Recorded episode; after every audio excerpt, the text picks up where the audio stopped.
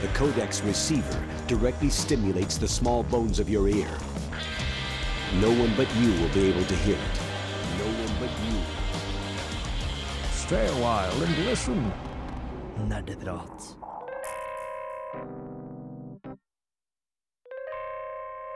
Da er det oss igjen, da, kjære uh, Jeg holdt på å si nerder. Jeg vet ikke om alle har lyst til å bli kalt det.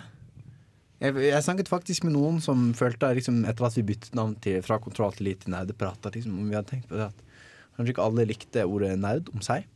Uh, så jeg bruker ikke nerd om uh, deg, men jeg bruker nerd om oss. Nei! Det tror jeg uh, Jeg tror hele sendinga var en trigger warning ja. for N-ordet. Trigger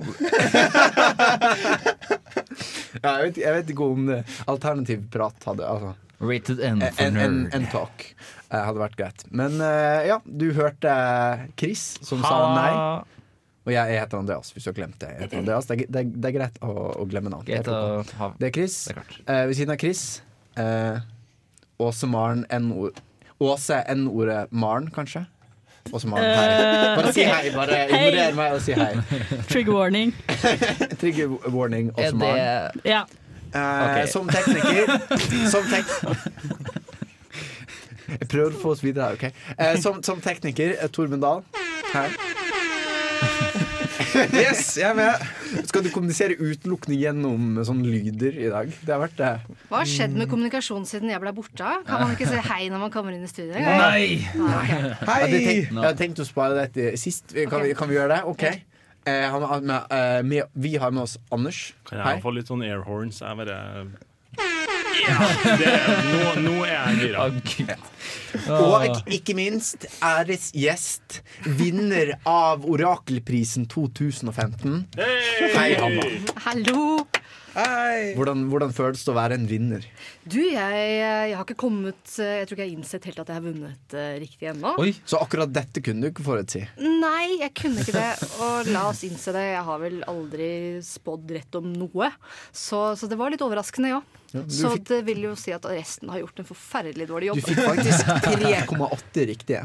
Jeg gjorde det. Mm, av fire eller fem? Fire Jeg må høre denne episoden, tror jeg. Fordi Ja, ja, ja. så langt tilbake i tid strekker faktisk ikke hukommelsen min seg, tror jeg. Nei, du, du har bare hukommelse framover, ikke bakover. i, ja.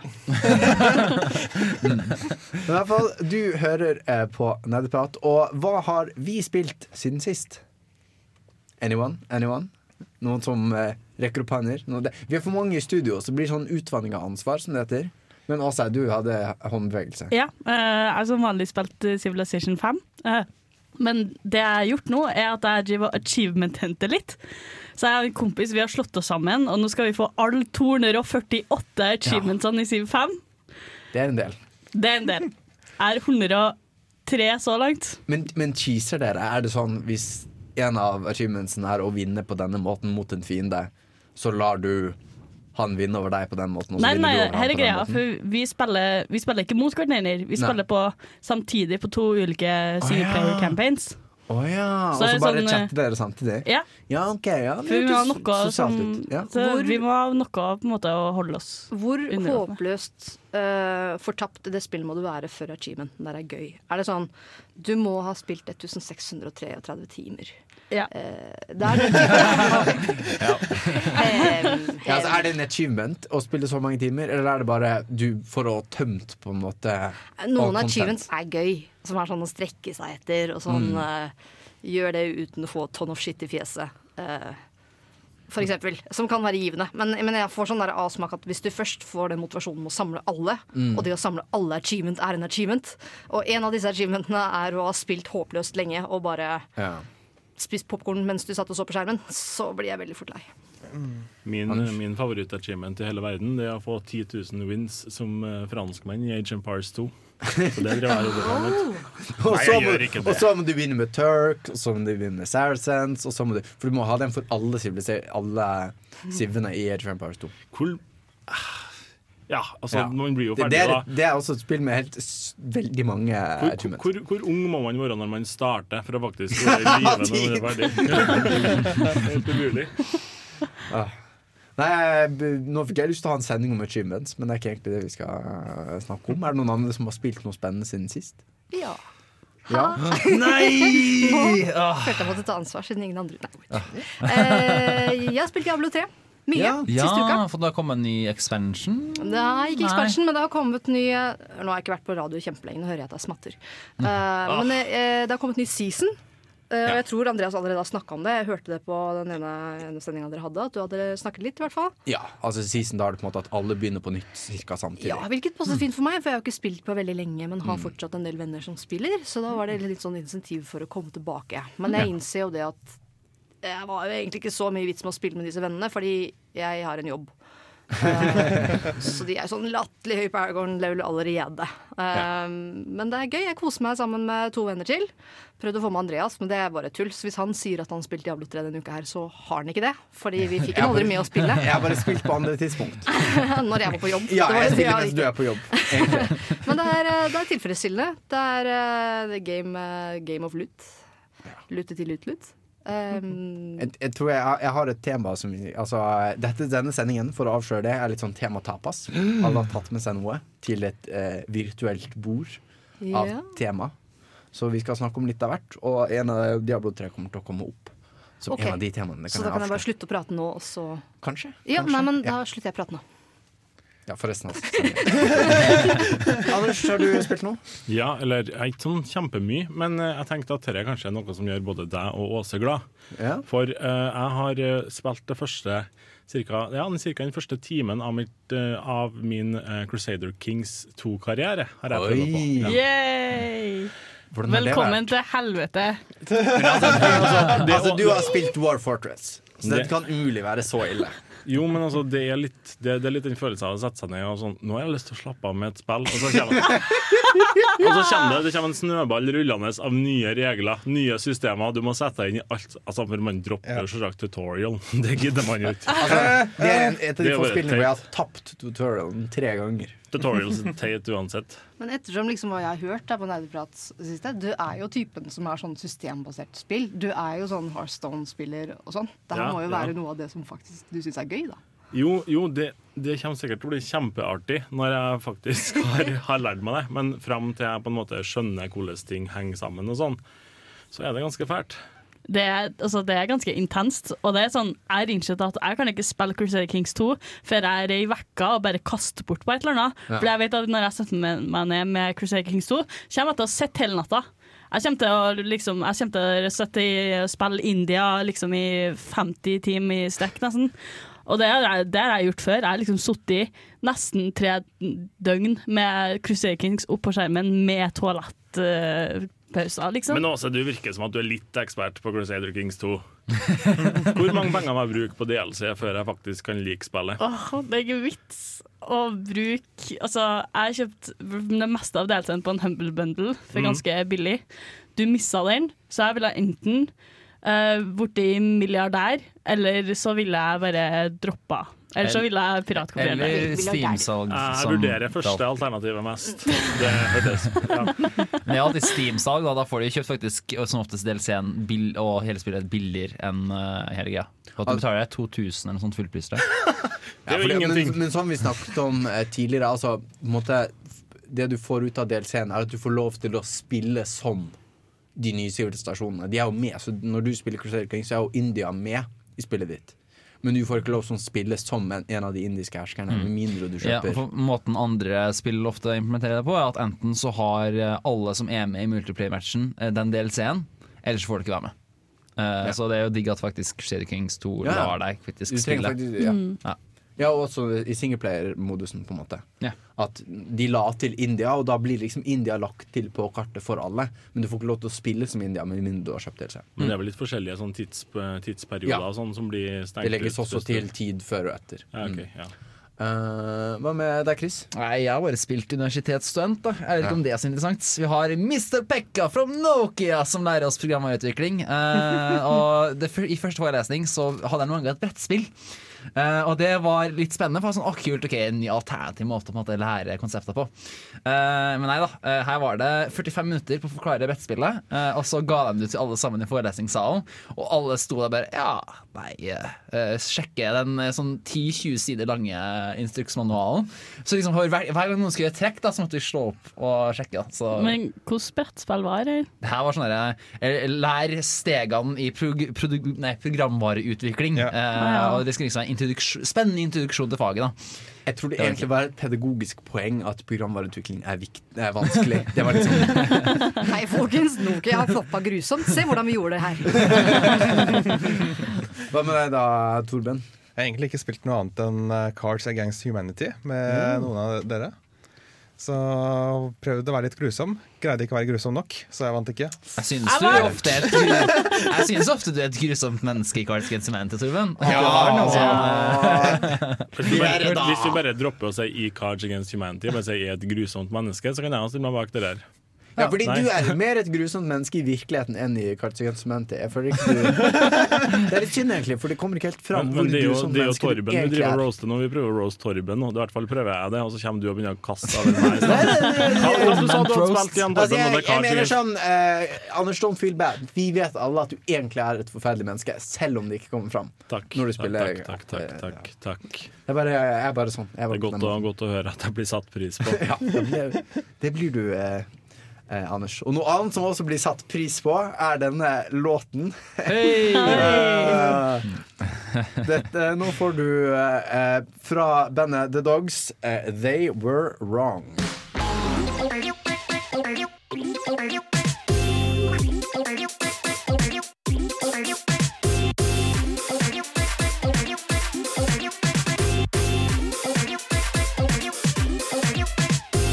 Nerdenytt. På seg en sånn, han har på seg en sånn hatt det står presse på, og han har nyhetene til oss, Chris. Jeg har egentlig ikke det, da. Men uh, i denne uka så har du muligheten til å være mammas store mareritt ved å spille destruktiv golf innendørs. Hvorfor besøke Nederland for å se sightsen når du kan spille spill på spillhotell? Og sist, men ikke minst, så kommer et aldri så lite stort selskap ut med en, eh, å gjenopplive en barneklassiker. Så det er mye spennende å få med seg. Først og fremst, uh, har du noensinne hatt lyst til å rekke detektiv? Uh, spes spesifikt detektiv Pikachu? Vel, nå har du muligheten, fordi at eh, nå kommer Nintendo med med Tantei Pikachu, Shin Kunobi Tanju. Eh, som oversettes til Detektiv Pikachu, Birth of a New Team. Det der uh, Ja. Og da sånn da Pikachu med sånn søt sånn uh, ja, Sherlock Holmes-hatt. Sånn Sherlock Sånn Holmes-hatt. ja. ja. sånn. Og den snakker. Så her kan mye skje. Og så har de rippa off basic. Det er liksom den verste rip-offen noensinne. At han er Sherlock-theme, den nye serien til BBC. Det er så look-alike, men ikke look-alike, at det skulle ikke vært lov. Så Pikachu ligner en oter? Det var ingen som tok Nei, OK. Nei, jeg takk. Never mind. Jeg skal vise dere etterpå hvor lik uh, Cumberbatch er en oter. Så dere har noe å glede dere til. Dette har jeg aldri tenkt på. Damn! Eh, videre så har jo nå EA Origins Axis kommet ut til eh, PC i Norge. Så for 33 kroner så får du nå tilgang til The Vault. Eh, det har ikke så mye akkurat nå, det er 15 spill. Eh, du har Battlefield 4 blant annet, Dragon Age, eh, masse andre Battlefield-spill, Plans vs. Zombies etc. etc. Jeg vet ikke det. Jeg tenker kanskje dette kan være et greit alternativ, fordi jeg har masse masse spill. Fordi jeg har liksom så mange spill i Steam-biblioteket mitt at jeg ikke vet hva jeg skal spille. Så det er på meg kanskje nesten en feature å liksom bare ha 15 spill å velge mellom, og så er det en rotasjon i de. Ja, kanskje. og det er også en digg måte som PS4 også gjør. De har jo, du får jo PlayStation Plus. Der får du et spill hele tida. Så da er jeg på en måte, ah, nå kan jeg prøve noe nytt. Tilsvarende Xbox Gold eller noe sånt. Ja. også. Problemet litt er at ofte så samler seg litt opp. Du får ikke testa dem alltid helt ut. da helt. Men hva er det Sorry. Nei, nei, for all del, snakk i munnen på meg, du. Nå har jeg hatt opp det, min krokete finger veldig lenge. Og jeg kan ikke Det- se deg bak Chris, det er problemet. Sånn, nå ser jeg deg. Sånn. Takk. Ko- Kommunikasjon på radio! Kommunikasjon på radio. Herre, Hanna rister på hodet. Underholdningsverdi Inni- på inni høyt seg. nivå. Hva var det du skulle Ja, si, for, altså? hva er det EA Access Origins eh, går ut på? Nei, Det er sånn type abonnementstjeneste at du betaler så og så mye i måneden. Det blir litt sånn Spotify-aktig, men kun for spill som EA tilbyr. da Ja, OK. ja. Så, Så da får du tilgang til spillene som de gjør tilgjengelig i The Vault, eh, og det er dem du får spille. Wow, så kjekt. Mm. de har jo hatt det sånn en periode med at du har fått en del gratisspill på den fantastiske Game Engine eh, Origin. da. Du har jo fått en del spill der. Ja. Ja, de har som regel en gang i måneden sånt, så Ja, du har jo hatt det eh, Red Alert 2 var jo gratis for ikke så lenge siden. Og så har du hatt det der Jade Jade, Kingdom. Jade Empire. Det er Ja, en stemmer. Eh, den tror jeg fortsatt er gratis. Den burde egentlig Kjære lytter, bare, bare installer Origin og last ned uh, Jade Empire helt gratis. Check it. Hvis Steam gjør det samme, så slutter jeg jobben min. And we never saw Hannah again. Eh, videre så har Criterion Entertainment, de som er kjent for bl.a. Burnout, eh, skal jo nå lage et nytt spill. Eh, de har bestemt seg ikke for å ta over biler som eksploderer, hopper rundt osv. denne gangen her. Nei, denne gangen her skal de gå for golf. Eh, så nå skal du ikke, ikke bare skal spille golf, men du skal spille golf innendørs. Så du har eh, Ja, det blir kaos, lover dem. De skal gjøre en miks av ting de har prøvd i tidligere spill, for å lage en helt crazy innendørs golfopplevelse. Jeg lurer på om de har latt seg inspirere av ikke gjør dette hjemme på NRK. For der hadde de faktisk et, eh, en gang at de spilte golf innendørs. Med de katastrofale følgene det hadde for diverse glass og møblement i huset.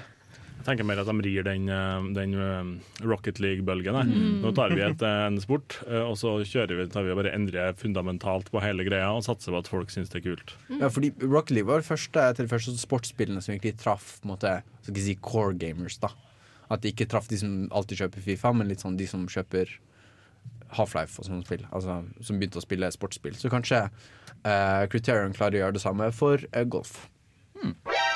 Eh, nytt er også at uh, det skal nå komme en Minecraft-versjon for skolebruk. Det har lenge vært en egenutvikla greie kalt Minecraft EDU, men det har nå blitt kjøpt opp av Microsoft og så å si da også Mojang, uh, som tilbyr da alternativer for å kunne bruke Minecraft i klasserommet, og du hopper rundt. Ja, Anders. da er det viktig å påpeke at det viktigste med en sånn versjon er sikkerheten, så ikke andre folk kan komme seg inn på serverne de bruker i klasserommet. Og det er det som er greia nå, at du må enten stille med egen serverkapasitet eller, og serverdrift. Eh, hvis ikke så må du få noen til å gjøre det for deg. Uh, og hvis de gjør det sjøl, så er jeg litt redd for at det er veldig, veldig mye dårlig IT-sikkerhet som driver på å gå rundt. Host, host, host, host. Så man kan ikke gjøre det gjennom Microsoft. Uh, nei, ikke akkurat nå, faktisk. Ikke Microsoft Azure, er ikke det veldig rart? Det er Altså, veldig rart, men de- Azure er jo Microsoft sin egen sånn serverparktjeneste. De burde jo gjøre det Mm, mulig. ja, men det de skal gjøre, at de skal okay. muliggjøre at de skal bruke skyløsninger. Oh, ja, oh, ja, men per i dag Mm, så per i dag, ja. Så må du si ok, det. da skjønner jeg. Ja. Mm. Så snart, men ikke helt ennå. Eh, videre så er det Sorry, uh, det er mer uh, Battlefront-innhold som kommer på tur.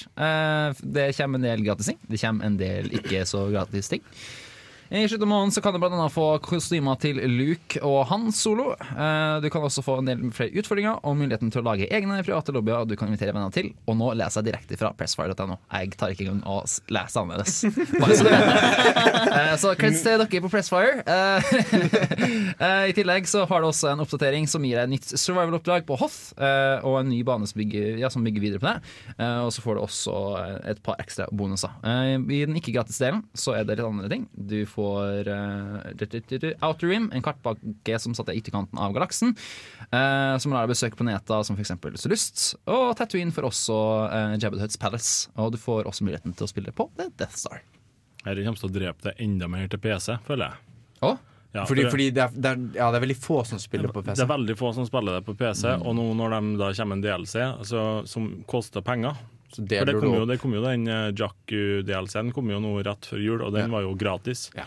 Men til og med den, det var ikke alle som lasta ned den, så den klarte allerede da å splitte spillebasen. Mm. Så det, nå, nå kommer det til kanskje å være en sånn 2000 som spiller original, og 1500 som spiller ja, med DLC. Nei, det ta, ta i litt det, men det kommer til å bli veldig mye, for eh, Veldig lite Jeg rota meg helt Det kommer bort. færre, Mindre folk! Lite gjennomført. færre folk. Ja, de, altså, folkene kommer til å være like store, Færre masse men det er færre av dem. Færre mange mindre.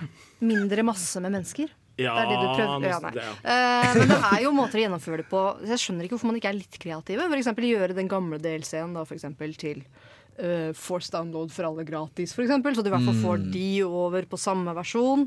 Så kan man jo innføre kanskje en ny DLC, men man jeg syns man har kommet veldig langt. Det er Mange spill har jo kommet dit at du fortsatt kan ha den gamle, og så er du kompatibel likevel, på en måte.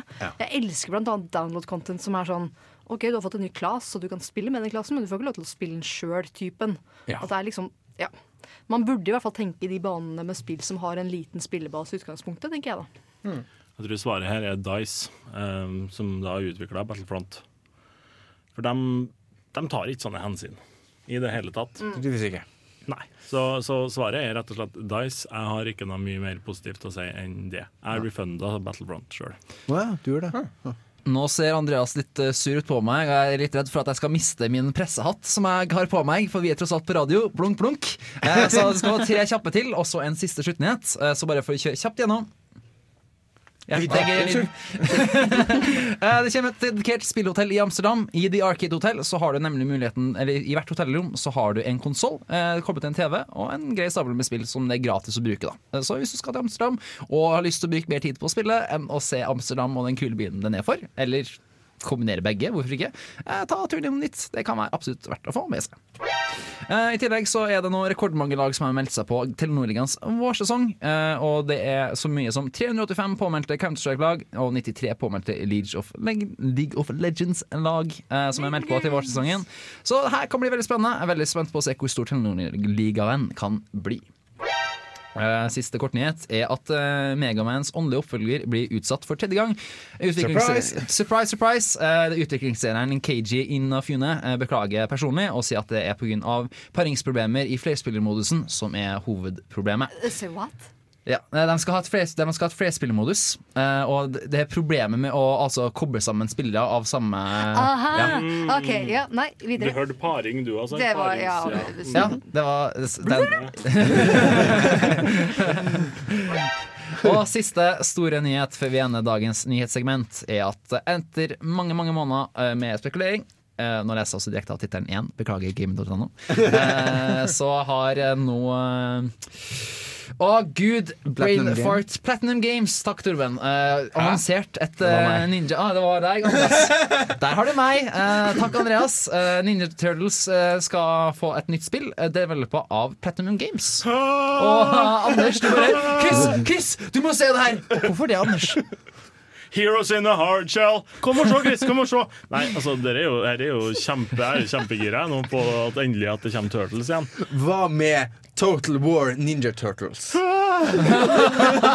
Det, det er en grunn til at jeg bare kryper litt sammen. Sånn, Total War litt. Warhammer Ninja Turtles. In space. Turtle Kings 2.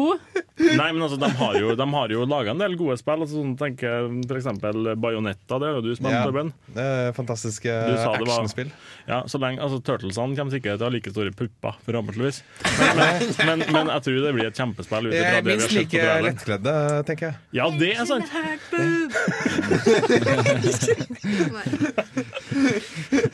Eh, ja, det, blir nok, det, det blir nok årets mest sexy spill. Det blir det. Er det, er det din uh, spådom for 2016? Jeg tror jeg kommer til å vinne igjen. jeg. veldig gøy Jo, det blir det. Ja, du, du står ved, står ved en uttalelse. Early Access dør, og uh, Dinner Turtles blir årets mest sexy Sexy, spill. yep. Du hørte det her på Radio Revolt. Uh, nå skal du få høre Weezer med King of the World. De holder fortsatt på, før vi går videre til uh, ukas spørsmål her på Nerdeprat på Radio Revolt, studentradioen i Trondheim. Når innså du at du var en gamer? Dersom du kunne spilt kun et spill i et år Hva er det eldste spillet i backloggen din? Og du var på en øde øye i helvete mens du var 11 år gammel Hva har du lært fra spill som du har fått nyte av i hverdagen? Er det et spill som har hjulpet deg gjennom en tung periode av ditt liv? Hva er ukas spørsmål? Ja, ukas spørsmål er litt eh, Det handler litt om ferien som har vært. Og det handler litt om måte, det å komme tilbake til eh, Trondheim etterpå. For det jeg lurer på er hvilket spill er det du bare vender tilbake til? Uansett. Det er på en måte nesten en sånn konstant i livet ditt. At på en måte, kanskje en gang i året, kanskje enda sjeldnere enn det, så er det på en måte ett spill som du bare alltid ender opp med å installere på nytt og spille, spille kanskje med barndomsvenner, eller spille for deg selv, eller et eller annet. Er det et spill som du alltid vender tilbake til? Anders? Ja, er svaret mitt. Nei, nei, jeg sa- Nå jeg det med som, som et ja-nei-spørsmål. Hvilket spill er det? Eh, det er Command and Conquer eh, Generals Zero Hour. Som er det, det en av de siste Command and Conquer-spillene som kom ut, tror jeg. Ja, og det var et av de spillene som prøvde å være litt mer alvorlig enn Red Alert. eh. Ja, de, de klarer vel ikke helt, men det er jo tre forskjellige faksjoner som kriger her. da. Det er liksom Global Liberation Army, eh, Kina og America! America, fuck yeah! Ja, sant? Og, og sånn som Chris eh, synger her nå, sånn er Amerika i, i det spillet. her, Sånn. Oh yeah! Men Kina er litt mer Nord-Korea enn Kina, egentlig. og, og, og GLA, da, som er deres terroristorganisasjon, Ja. De er så terrorister, de. Altså, altså, det- altså, det, her, her er liksom, det er så mye klisjeer som det går an å få det. Alle sammen er sånne fattige folk i linklær som bare går rundt og tigger på gatene med AK-47 og sånn. Med AK-47. Ja, liksom, Can I have some shoes? Altså At du tigger en bank med AK-47, for eksempel. Nei, det er ran, det. Altså, det er jo bare an på øyet som skjer det, da. Ja. Men uansett, det er et spill det, altså, det er et spill jeg kommer tilbake til gang på gang på gang, på gang som er ja, alle like bra som første gang jeg har spilt det. Men jeg, ja, Hva er det som gjør at du kommer tilbake? jeg tror det har noe med at jeg har ikke funnet noe uh, strategispill innenfor den typen. At man bygger seg en base og så begynner å pumpe ut eh, eh, soldater og sånn. Veldig enkel ressursmanagement. Etter mindre av den makromanagement og mer mikromanagement? Ja, altså det, det, ikke, det krever ikke at du er eh, At du har dere ADHD-en eh, Mm. og APM-en som Starcraft krever. Ja. Altså det er mye mer uh, avslappa, men Ja. åh, det er så artig. Det er så fint å bare se en gjeng med sånne amerikanske GI Joes som bare blir sprengt i lufta for det kommer tre sånne terrorister rennende mot dem i en bil med bomber festa fast til alt. Ja. Og, og det, Jeg tror det jeg blir, det blir varmt inni meg når jeg ser amerikanske soldater dør. Ikke siter meg på det, men Altså, fordi, vi, vi har, fordi vi har jo begynt nå med at tittelen på episoden er noe vi sier i episoden. Så det, mm, mm. Eh, Hvis du ikke får reise til USA lenger, Anders, så kan du skylde på oss, da. Ja, nei, jeg ville ikke reise til Amerika. Eh, Sier landet- Anders mens Land of han- opportunities, lalla. Sier Anders mens han krysser armene i fold og ser sint ut og gråter. Ser sint ut og gråter. Nei, Hanna. Eh, jeg, jeg måtte tenke skikkelig. Ja. Eh, fordi egentlig så er det ikke det. Og så tenkte jeg da, yes, men jeg har jo bare tenkt på dataspill. Og så, ah, det er konsoller også. Og det er greia mi. Eh, jeg gjør ikke det med PC så mye. Nei. Eh, der er det vel bare at jeg begynner å spille et spill og aldri slutter å spille. Men det er en annen historie. Men uh, konsoll er sånn type. Nintendo for meg er akkurat det der. Fordi der går jeg tilbake på en måte til de gamle klassikerne. da Eh, Det er også på en måte serier som jeg er glad i, som Mario Kart eksempel. Det teller mm. kanskje ikke, for der kommer det nye spill. Eh, men jeg spilte Double Dash senest i forrige uke. og den typen Så konsollspill generelt for meg er den typen spill. Uten at jeg klarer å sette fingeren på, på hvorfor det. Men eh, Det er gjerne spill du i større grad kan spille med andre. Og med, med, eh, hvor det liksom er med én skjerm. At det kanskje Ja, det er en sånn samlingsbit, for det er ikke så lett å um, komme til noen forstyp og så, ja, la oss sette oss med med dataspill. Det er ikke naturlig i det hele tatt, liksom. Verken pga. rigginga eller fordi folk er mer sånn de er nerd. Konsoll har alle et litt sånn jordnært forhold til, tror jeg. Ja. Så det blir en sånn sosial setting-greie som er veldig lett å ta opp. Og alle er med på Mario Kart, liksom. Ja, og Eller hvis noen drar fram eksempel Nintendo 64 på fest og bare Yo, la oss spille Donkey Kong nå, ikke sant? Så er det sånn Å, nostalgi, folkens! Og så er det Ja, da har de Sånn, gjort det, på en ja. måte. Jeg ser ikke det skje helt med dataspill for meg, men konsoll definitivt. Nei, men jeg syns også det er mer eldre konsoller som alle har et forhold til. Ja. Ofte. Mm. jeg føler man får større suksess av å dra fram Nintendo 64 enn en Xbox 360 eller Xbox One. Så det Og det, men det gjelder meg sjøl alene også. Majora's Mask. Mm. Men jeg, lurer, Lett. Ja, men jeg lurer på om vi kommer dit en gang. Da, at på en måte vi får et sånn nostalgisk forhold til Xbox 360. Hvis noen finner fram Xbox 360 og Halo 3, så blir det litt sånn åh, Those were the days. Det blir litt sånn for meg, da. Og kanskje enda mer om en liten stund. Enn om det blir sånn om 50 år at du drar fram den gamle PC-en med VR-brillene og det der Når jeg var ung, så måtte vi ha sensorer i rommet som oppdaget hvor brillene var. Hadde dere ikke, liksom. Ja, hadde dere ikke smart blod eller noe sånt? At, at, at du har en sånn GPS-trackers i hele blodet ditt. Bare alltid det, det er ikke min spådom for 2016. Da, mer sånn, Men det høres ut som det kan bli en kjempekonspirasjon av det hvis du bare drar den langt nok.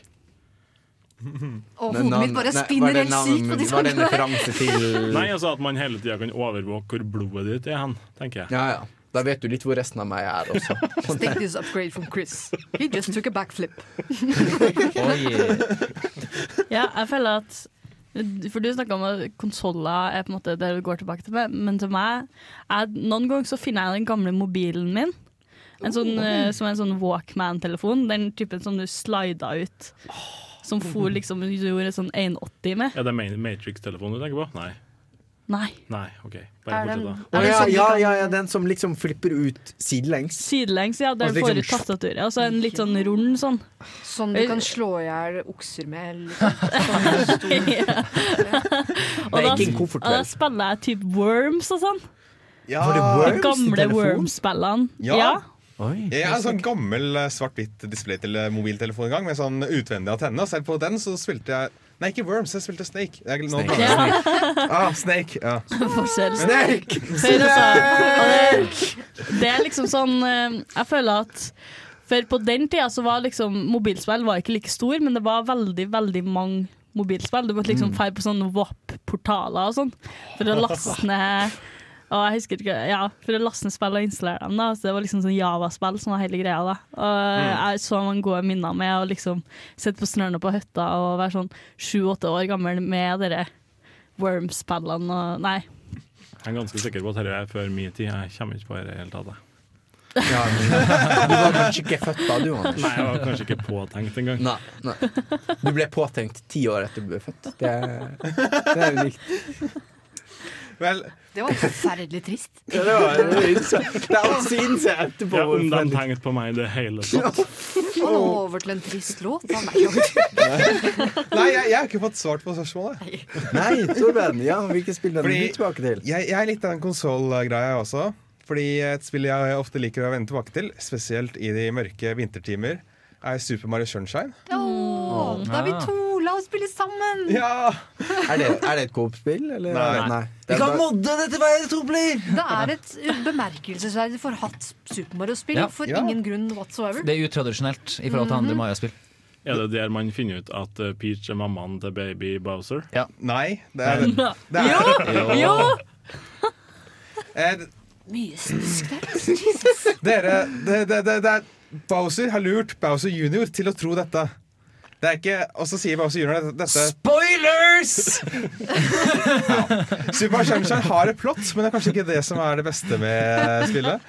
Men det, er- det, er, det, er, si- det er veldig hyggelig stemning, og jeg, jeg liker å være på en sydhavsøy og sp sp sp spraye vann og øh, vaske opp øh, etter øh, noen andre. Og musikken. Ja, musikken er veldig god. Mens jeg trenger av og til å bare dykke tilbake til metallgir og høre noen rope 'nanomachines' i øret mitt av og til. Hvilket Metal. Gear Solid- Solid-spill er det du returnerer til, øh, Chris? Uh, det er vilkårlig, egentlig. Jeg liker det, det med nyrene, for de har mye bedre flyt. Så det er ikke best måte. det, er bare noen ganger Grunnen til at jeg går tilbake til det, uh, eller Max Payne, er fordi jeg føler jeg har ganske stor kontroll. da Jeg begynte å bli veldig flink, så nå kan jeg tukle rundt og lure folk til å løpe inn i en sånn felle med masse C4 og sånt. ikke sant? Kjempemoro. Uh, og det er digg, da, å på en måte få litt den følelsen av total kontroll. noen ganger. Selv om ja, det er ikke sånn ellers, men ja. For meg så er det Age of Empires 2. For Det er liksom det første sånn spillet jeg virkelig virkelig spilte masse. Det var Age of Empires 2 Og det er liksom det, Du kan spille multiplayer, så spiller jeg ofte. Hvis jeg er hjemme i en fjerde da, og tar en runde med brødrene mine og spiller Age of Empires 2. For det er, det er fortsatt dritbra. Det er, liksom, det er noen sånne spill som når du returnerer til dem, så er de kjempedårlige. For eksempel Speedboat Attack. Som var et, det var jævlig kult en gang i tiden. Uh, så kom vi tilbake til det med jeg og brødre og tenkte ja, skal vi spille speed, Speedboat Attack. Ja, det blir kjempekult. Og så var det kjempedårlig. Superdårlig. Wolf eh, 3D har òg ikke eldes helt. Men Age of Empire 2 fortsatt solid, altså. Fortsatt, og det spilles fortsatt eh, sånn uh, tournaments og sånn. Så det ser jeg ofte på, på YouTube, og ser eh, kamper på sånn e-sport med kommentarer og sånn. Vet du hva? Jeg liker veldig godt det faktum at du fortsatt kan spille deg med venner. At det ikke, at det ikke er avhengig av en servere som har måttet stått opp i all den tida. Det er du- greie landstøtte. Mm. Var Wolfenstein 3D der du skulle drepe Hitler? Mekka-Hitler. Mm. Meka, meka Ja, Hitler, ja Ikke- riktig. Det, er- det er mye man kan lære gjennom spill. Hitler er slem. Meka-Hitler, desto, desto mer. Ja.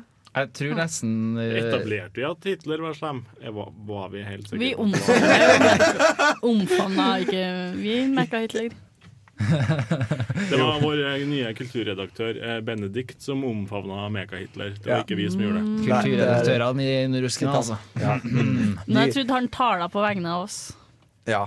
Vår, han, er, han er jo vår, vår sjef, på en måte. Ja. Vår redaktør. Hvis dere er bitre over å betale NRK-lisens, tenk hvor ille det kunne vært hvis du betalte for oss, f.eks. Ja, ja. Du betaler ikke penger for oss, er ikke det en betryggende tanke? Men jeg mener, jeg mener at det faktisk ble avgjort ved lov at man ikke trenger å følge ordrene eh, til sjefene sine uten å tenke seg om sjøl. Ja. Ja, Så vi trenger ikke omfavne merketler? ikke nødvendigvis. Det er noe å tenke på, og det kan du tenke på eh, mens be- Beklager at jeg prøver å få til noen omgang. Eh, du kan tenke på Vil jeg omfavnet et Meka Hitler? Mens du hører på eh, No More Parties in LA av Kanye West og med Kendrick Lamar.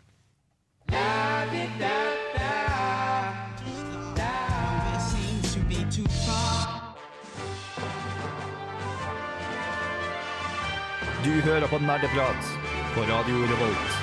Nå, nå håper jeg du har tenkt ferdig og har ditt svar, og du kan sende ditt svar til nerd at eh, aviradiorevolt.no. Ja, Ja, nerd at radiorevolt.no. Um, vi er kommet til temaet Tavas. Vi burde ha noe sånn Vi burde hatt litt sånn spansk contentum, innser jeg. Noen Hva, hva, hva, hva, er contentum for de av oss som ikke Det er sånn lyd man har i bakgrunnen. Men det, det er egentlig, fagbegrepet er egentlig bed. Man snakker om bed, at det liksom ligger under. Men jeg Det er vil en seng sånn av lyd. Er det ikke du som skal ligge i senga, og ikke senga som skal ligge under?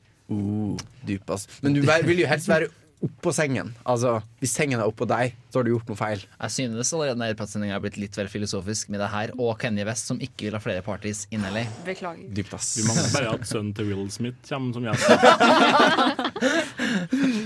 Men det jeg egentlig vil snakke om, det er uh, spilljournalistikk på norsk.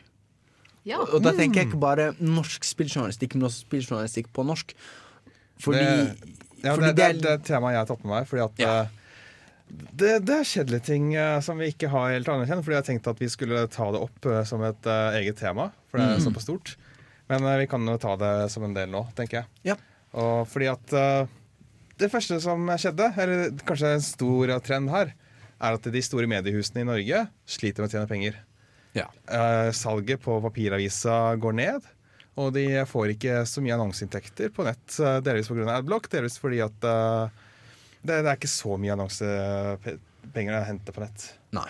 Vel, jo, men det er jo litt den filosofien alle sånn har om at nei, jeg vil ha et ad-free internett, og jeg skrur på adblock. Det har jo ikke noen konsekvens for meg. Host, host. Å nei, en betalingsmur!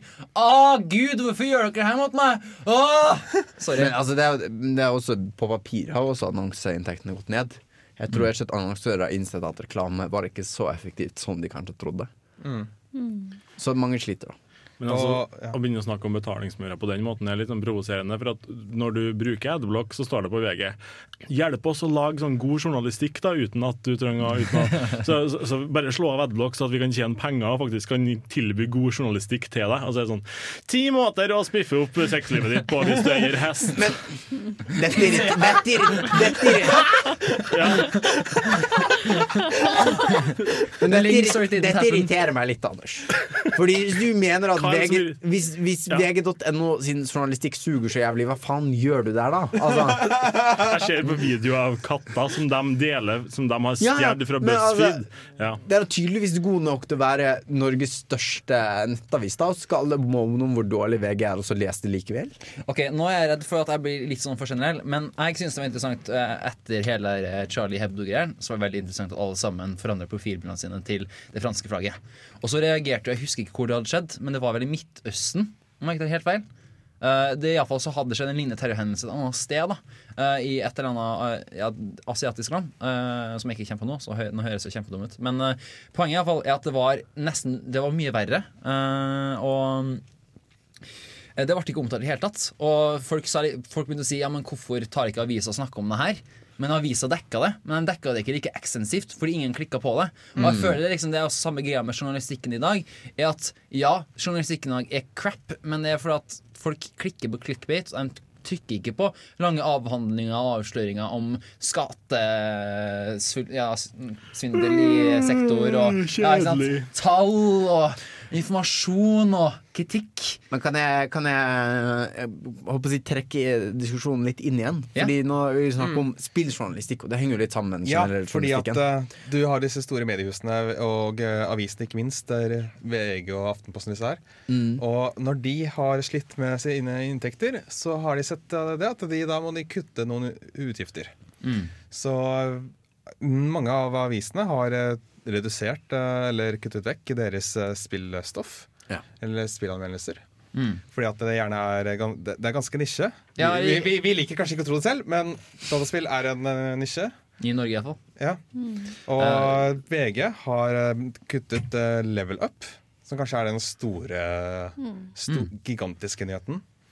De, de, de store gutta som hadde ukentlig eh, show, eh, eller, eller magasin, video. Og så har, eh, var det eh, Dagbladet som det, det hørtes ut som de skulle kutte Pressfire. Men Pressfire tok og forlot eh, Dagbladet og Aller Media. Eller som Jens Erik skriver i internchatten Pressfire er ikke lenger en del av Dagbladet! Ja! Capslock av. Hei, Jens Erik. Ja. Jeg kan først hjelpe deg da, Chris. Det var Libanon. Uh, thanks. Uh, men by the way uh, VG ser jeg på Ok, det her kan være slemt. VG ser jeg på som en sånn guilty pleasure-ting. Det er clickbait. Alle titler jeg ser på VG, er clickbait. Mm. Og du kan ikke lage Du har ikke nok stoff og materiale til å leve etter VGs uh, drøm der. Ass. Du kan ikke lage clickbait-nyheter om spill så ofte. Så de kunne egentlig bare lagt ned før. Se hva denne spillutvikleren gjorde! Ti måter å spille Selda på du ikke har tenkt før! Nummer tre vil sjokkere deg! Hvis du har en hest. Og personen som laget soundtracket til dette Sonic-spillet, kommer til å sjokkere deg. Det var en referanse til en diskusjon vi hadde mens vi ikke sendte på lufta. Så det var Kan kanskje vi ikke få en den katta ut av sekken? Jeg, jeg kan få katta ut av sekken, for jeg ville ta det her egentlig under nyhetsstikket, men så øh, flås det. Uh, og jeg er bare gjest. Men OK, here goes. Uh, Michael Jackson i hans levetid hadde, eller i etterkant egentlig av døden hans, så har det dukket opp veldig mye konspirasjonsteorier. Hva mener du med døden hans? Han er fortsatt i live. Yes. Eh, og hva har dette med spill, lurer du kanskje? Og det er rett og slett at en av disse spill, eller disse konspirasjonsteoriene hadde om spill å gjøre. Eh, og det har gått på at det er egentlig Mark Jackson som har laget eh, spillmusikken til Sonic 3. Uh, som har fått veldig veldig mye oppmerksomhet og vært kanskje en av de mest far-fetched. Liksom. ja, det. Eh, nå har vi fått vite at det er sant. Eh, Michael Jackson har faktisk laget spillet til Sonic eh, 3. Bam, bam, bam. Lagd spillet til Sonic 3. Nei, lagd eh, musikken til Sonic eh, 3.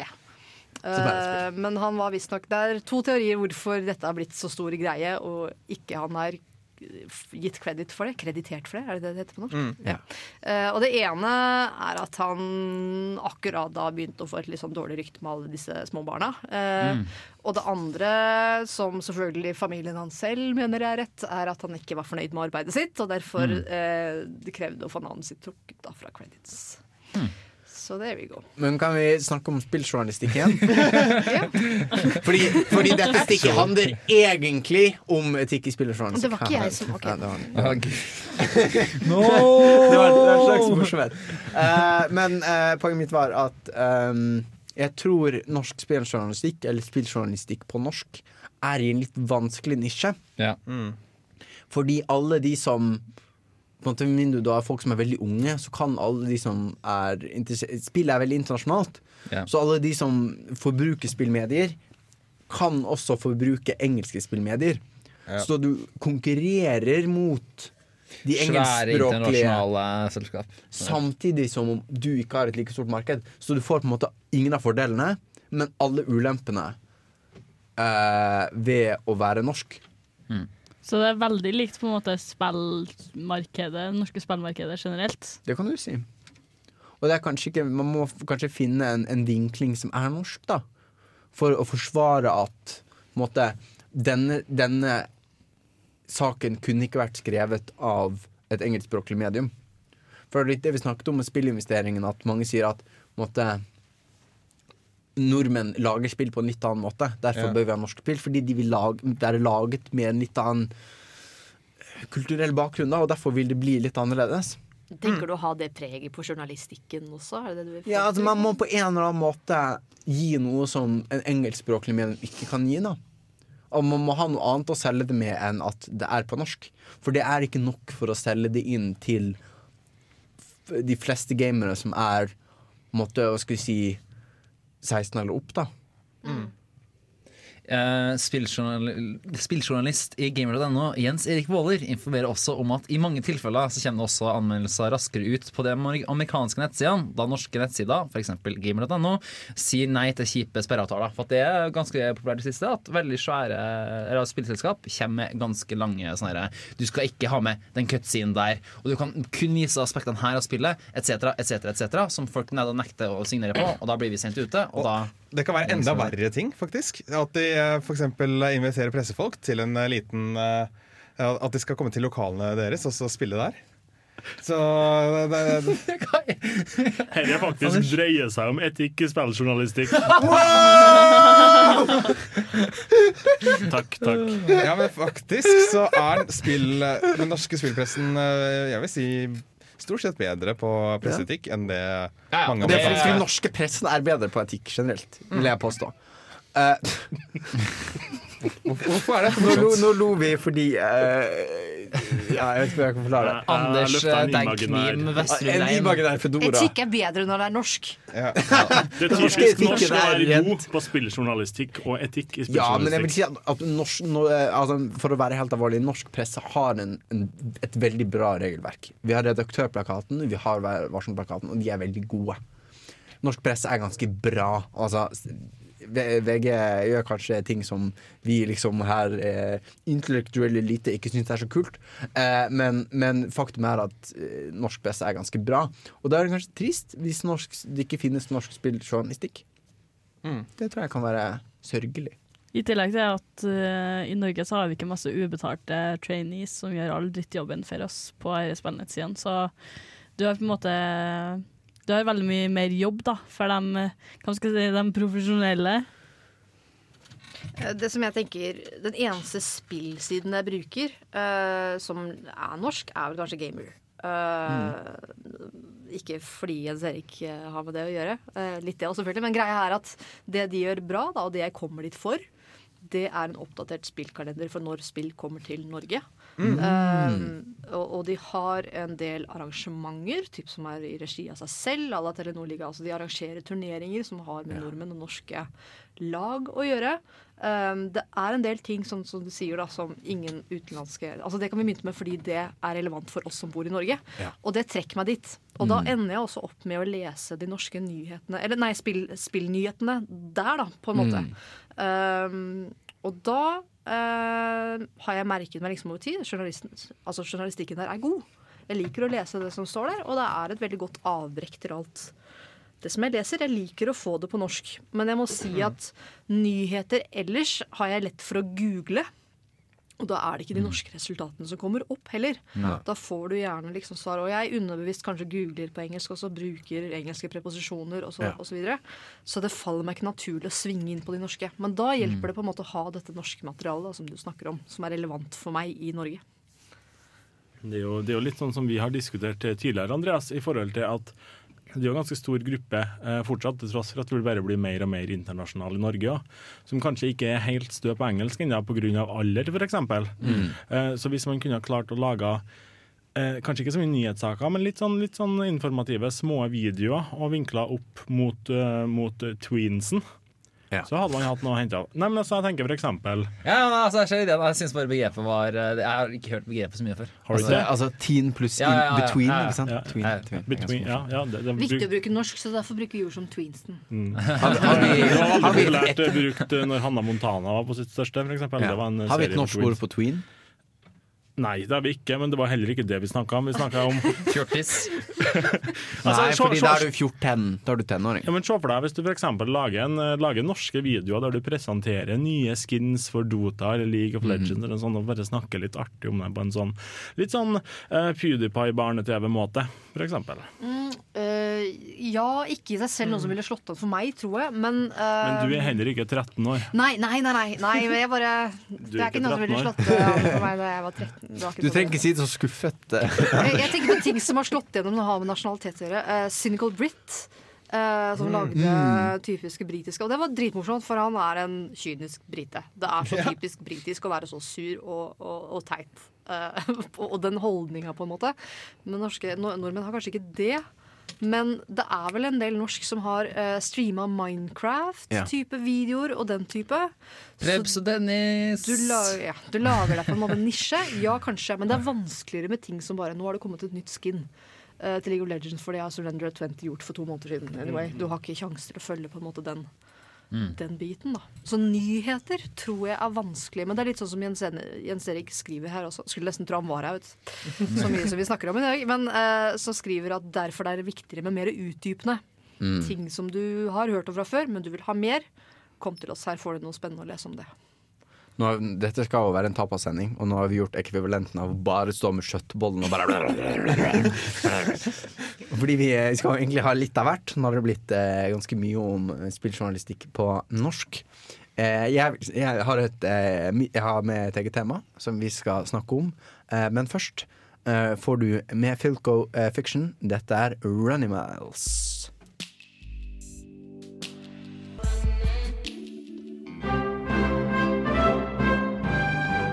Hei, det her er Josten Pedersen på Radio Revolt. Radio Revolt, 12 points. Den er fin. Jostein Pedersen er bra, altså. Eh, apropos norsk spillerjournalistikk, liksom. Jostein Pedersen. Eh. Unnskyld. Eh, jeg, jeg har mitt neste eh, tapas-tema. Jeg tar av klingrappen. Eh, det er eh, spill som blir bedre etter release. Fordi jeg kommer til å tenke på fordi, fordi jeg og han har spilt Diablo 3. Samtlige online-spill med ræva servere og med stor spillbase.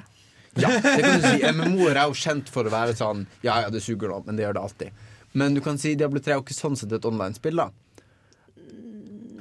Det Du kan det er ikke en spille det offline. Nei, det er sant. Det er for forsøkt, men det er en, det det det en, det en DRM-ting. Jo, jo, jo, men da må du fortsatt logge på en server. Så var det som Ja, var poenget mitt. ja, altså, ja, men altså ja, Diablo 3 søk litt fordi du kunne ikke spille et singleplayerspill de første dagene etter mm. release pga. online, on- online er Men, en ting. men, men det var ikke det her du egentlig ville inn Nei, på? Var det nei fordi det det var ikke det eneste som var galt med Diablo 3. Mye av det som ikke funket Det var veldig mye som ikke funket med Diablo 3 når det kom ut. De hadde, de hadde omgjort veldig mye på hvordan du fikk nytt utstyr. Mm. eh, for at, sånn at det var en skjevhet mot å få utstyr du ikke trengte selv. Sånn at du skulle måtte handle med andre spillere. Det syns Blizzard var en morsom idé. Mm. Det syns ingen i verden. Resten var en god idé. Og det gikk veldig mye backlash pga. det. Mm. Så har de patcha og patcha og patcha og fiksa og fiksa. Og nå er Diablo 3 veldig, veldig mye bedre. Ja, men jeg syns ikke det ble fiksa før expansion kom. Nei. Har Nei, de det ble det ikke. Først, hm? har de ikke fjerna Auction House nå? Jo. Jo. Men Blizzard har jo hele tida hatt en sånn enkeltpersoner som har vært veldig, hatt veldig mange sterke meninger om forskjellige ting eh, innenfor balanse og sånn. Eh, bare for å ta han eh, developeren Ghost Crawler, som hadde en sånn greie gående i 2010 eller noe sånt. Jeg vet ikke om han var med på Diablo, men han var i hvert fall med på å gjorde ting kjipt for folk som spilte World of Warcraft på den tida der. Ja, fordi han hadde sterk mening om hvordan balancing skulle gjøres. Pluss at han var lead developer og sånne ting. Så, så det, det, Så han hadde en det del å ene si også, førte jo til det andre, da. Um, nå har han flytta over og blitt sånn uh, lead developer hos uh, Riot Games og Ja. på League of Legends, så det er jo ganske kjipt borti det òg, etter hvert. men men uh, det er jo, i hvert fall til Blizzard, så har jeg inntrykk av at det er sånn enkeltpersoner som har veldig mye å si i forhold til om et spill blir bra eller dårlig etter Ja. hvert som patchene kommer. da. Det har jo det, men det er jo også en realitet at noen ideer finner man ikke ut om er dårlige eller gode før man har gjennomført det. Og da syns Ja. jeg det er bedre at man gir det et forsøk, og så patcher det, enn at øh, altså, de, de ville jo innføre multiplayer i Diablo 3 Ja. øh, som en arenating. Mm. Det scratcha de helt. Det ble aldri implementert multiplayer sånn. Altså Nei. ikke spille mot spiller i arena. Kan man duellere? For det snakka de vel om. Jeg, at man altså, det er en, jeg vet i hvert fall at i byen så er det en sånn brawler-fyr som Ja. snakker om det. Så kanskje, men jeg hadde gjort det. Nei, det jeg, jeg derfor jeg, vet ikke. For, for det var liksom greit, for det var mer i tone. Du har alltid kunnet duellere i de andre Diablo-spillene. Ja, det- De fant ut at det var liksom for stor clash, og det er jo et valg som Men, men øh, grunnen til at jeg tar dette opp, er på en måte at Blizzard har nå lagt ganske mye jobb i å, å eh, patche dette spillet og gjøre det bedre for de som kjøpte det. Mm. Men de aller fleste spill selger på en måte 90% av det de noensinne kommer til å selge i løpet av de første par ukene. Så hva har egentlig Altså, jeg blir jo veldig glad når de gjør det, men på en måte Jeg hadde jo uansett kjøpt Diablo 3. På en måte, Blizzard har ikke fått noe mer penger av meg, selv om de la all denne jobben inn i å fikse det. Så hva slags motivasjon har de egentlig? Jeg tenker Diablo 4 kommer til å tjene veldig på at de har gjort det sånn som de har gjort i Diablo 3 nå. At Mm. du fortsatt har Ja, Diablo 3 fungerte veldig bra, derfor kjøper jeg Diablo 4. Eller Diablo 3 gjorde det jævlig, jævlig dårlig, men jeg kommer sikkert til å kjøpe Diablo 4 til helvete. Jeg er så hekta, kan noen hjelpe meg? Ja, Sånn som for eksempel at Syndicate solgte kjempedårlig pga. Unity. Ja. Oh, wait. Nei. Nei. Men Nei. nå syns, nå syns jeg vi nærmer oss farlig egentlig at det handler om noe annet, med utviklere som Altså, spill suger hvis du gir ut et spill og det aldri kommer noe mer til det. eh, kontra de som er flinke til å videreutvikle spill hele tiden. Fordi det er litt forskjell her. Vi har snakka Mm. om før det her med at um, spill var bedre ved release før. Fordi da venta de og finpolisha det. Du hadde en plattform som Nintendo-spill før, f.eks. Med at det spiller ute. OK, det er ute. That's done. Nå er det ingenting mer du kan gjøre med det. Det må være perfekt. Ja. Uh, kontra det her med at man har fått spill i nyere tid, så er utviklet litt sånn Nei, pff, vi kan patche det senere. Sant? Da vil de i utgangspunktet få motivasjonen til litt sånn half-assed spill. Fordi spillerne vil ha det på tiden, og syns det på en måte er ok, det er greit. Liksom. Det blir sikkert bedre når det blir patcha noen ganger. Det var vel òg en periode der, eh, det var vel en periode der uh, eh, spillutviklerne måtte betale ekstra hvis de skulle kjøre patcher gjennom PlayStation Network og sånn, var ikke det? Ja. Ja, og det var jo Er det, er det borte? Ja. Hvordan gikk det, folkens? Men jeg tenker at vi har kommet Jeg vil kalle dette generasjonen med spill nesten for åpen beta-generasjonen, hvis jeg kan Mm. coine det. For nå, nå er det sånn at spillene kommer ut, de hører på oss, og så gir de ut patches. Og jeg syns det er et sunnhetstegn. Spesielt med spill som Altså, jeg tenker med en gang på SimCity, liksom. Men Ja. uh, jeg tenker at det at Det er ikke at de ikke er ferdig ved release, det er bare at nå hører de i større grad på dem som spiller spillene. Mm. Det, ja, det er sant. Men ehm, Å, nå fikk jeg helt jernteppe. Kan Shit! skyte inn og- Kan noen si Ja, noe fort? Star. Citizen, folkens! Jeg vet ikke om Det var kanskje den litt tidligere, men jeg synes jo generelt det hovedproblemet altså, altså, Du har jo den sida med at du kan forbedre, eh, men så har du også den sida med det tekniske med at man ikke releaser et spill som faktisk fungerer. Mm. Men jeg tror også det er litt sånn symptom av hvordan generelt uh, maskinvarearkitekturer har blitt i dag. Det er mange av dem. Eh, og det, Spesielt med f.eks. PC, eh, så er det ekstremt vanskelig. eh, For at du må teste på ganske mange maskiner. Mm. Og Derfor f.eks. Batman Arkham Knight gikk helt på ræva. var for at Selskapet som har testa det, hadde ikke testa på så veldig mange maskiner. De testet på, Jeg vet ikke hva de testa på, men de har ikke testa på mye. Og Det krever så mye mer nå enn før. Og da er det oftest lettere, billigere, og spillet kommer ut fortere om du da releaser det til offentligheten og deres mange rare PC. Eh, var det dere som i en eller annen sending snakka om at det her kommer til å bli året med, med døden over beta? Ja, det var deg, Anne. Det var vel ordrett det jeg sa, det.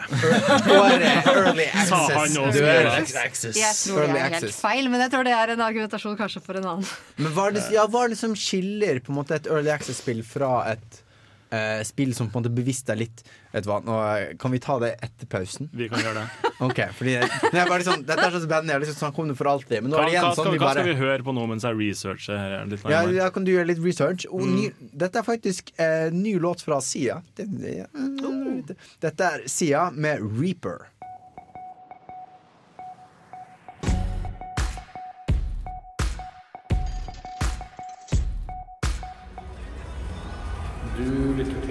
Nerdeprat fra Radio Revolt. You're listening to Nerd Talk from Radio Revolt. Ok, Jeg var så frekk at jeg lo lovte at vi skulle spise mer av min tapas. For uh, selv om det egentlig ever. Blunk, blunk. Det er det er Åse sin tapas. tapas. Men det, det kan, kan vi, lover, vi- vi lover å være kjempe, kjempekjappe. For jeg lurer på Hva er det forskjellen mellom en early access og på en måte denne pseudo-åpne betaen som vi alle blir tvunget til å være med i? Ett minutt, go. Ok, Uh, Jo, jeg har tenkt veldig mye på det her. Uh, den store forskjellen det er at noen er ute etter pengene dine, andre folk er ute etter din eh, eh, dine varmeste følelser for deres spillselskap, og de bryr seg faktisk om dem, mens andre folk bare bryr seg om visekortet ditt og ikke noe annet, hvor de er kalde, kyniske jævla som lurer deg. Og det blir eksplisitt fortalt på forhånd at det her er ikke ferdig. Ja, det er en veldig stor forskjell, syns jeg. At, du, eh, at man er ærlig med spillerne. Om at ja, det her er ikke Ærlig med spill. Så vi liker egentlig Hva var det? Liker vi egentlig early access nå? Ja! Eller? Vi liker early access. Nei, men her er greia da Early Access er noe av det beste som har skjedd meg. Fordi jeg digger prosessen med liksom, spillutvikling og den biten der. Det er veldig tydelig at det er Early Access. Jeg betaler mindre for spillet fordi jeg spiller det tidlig og gir god tilbakemelding på det.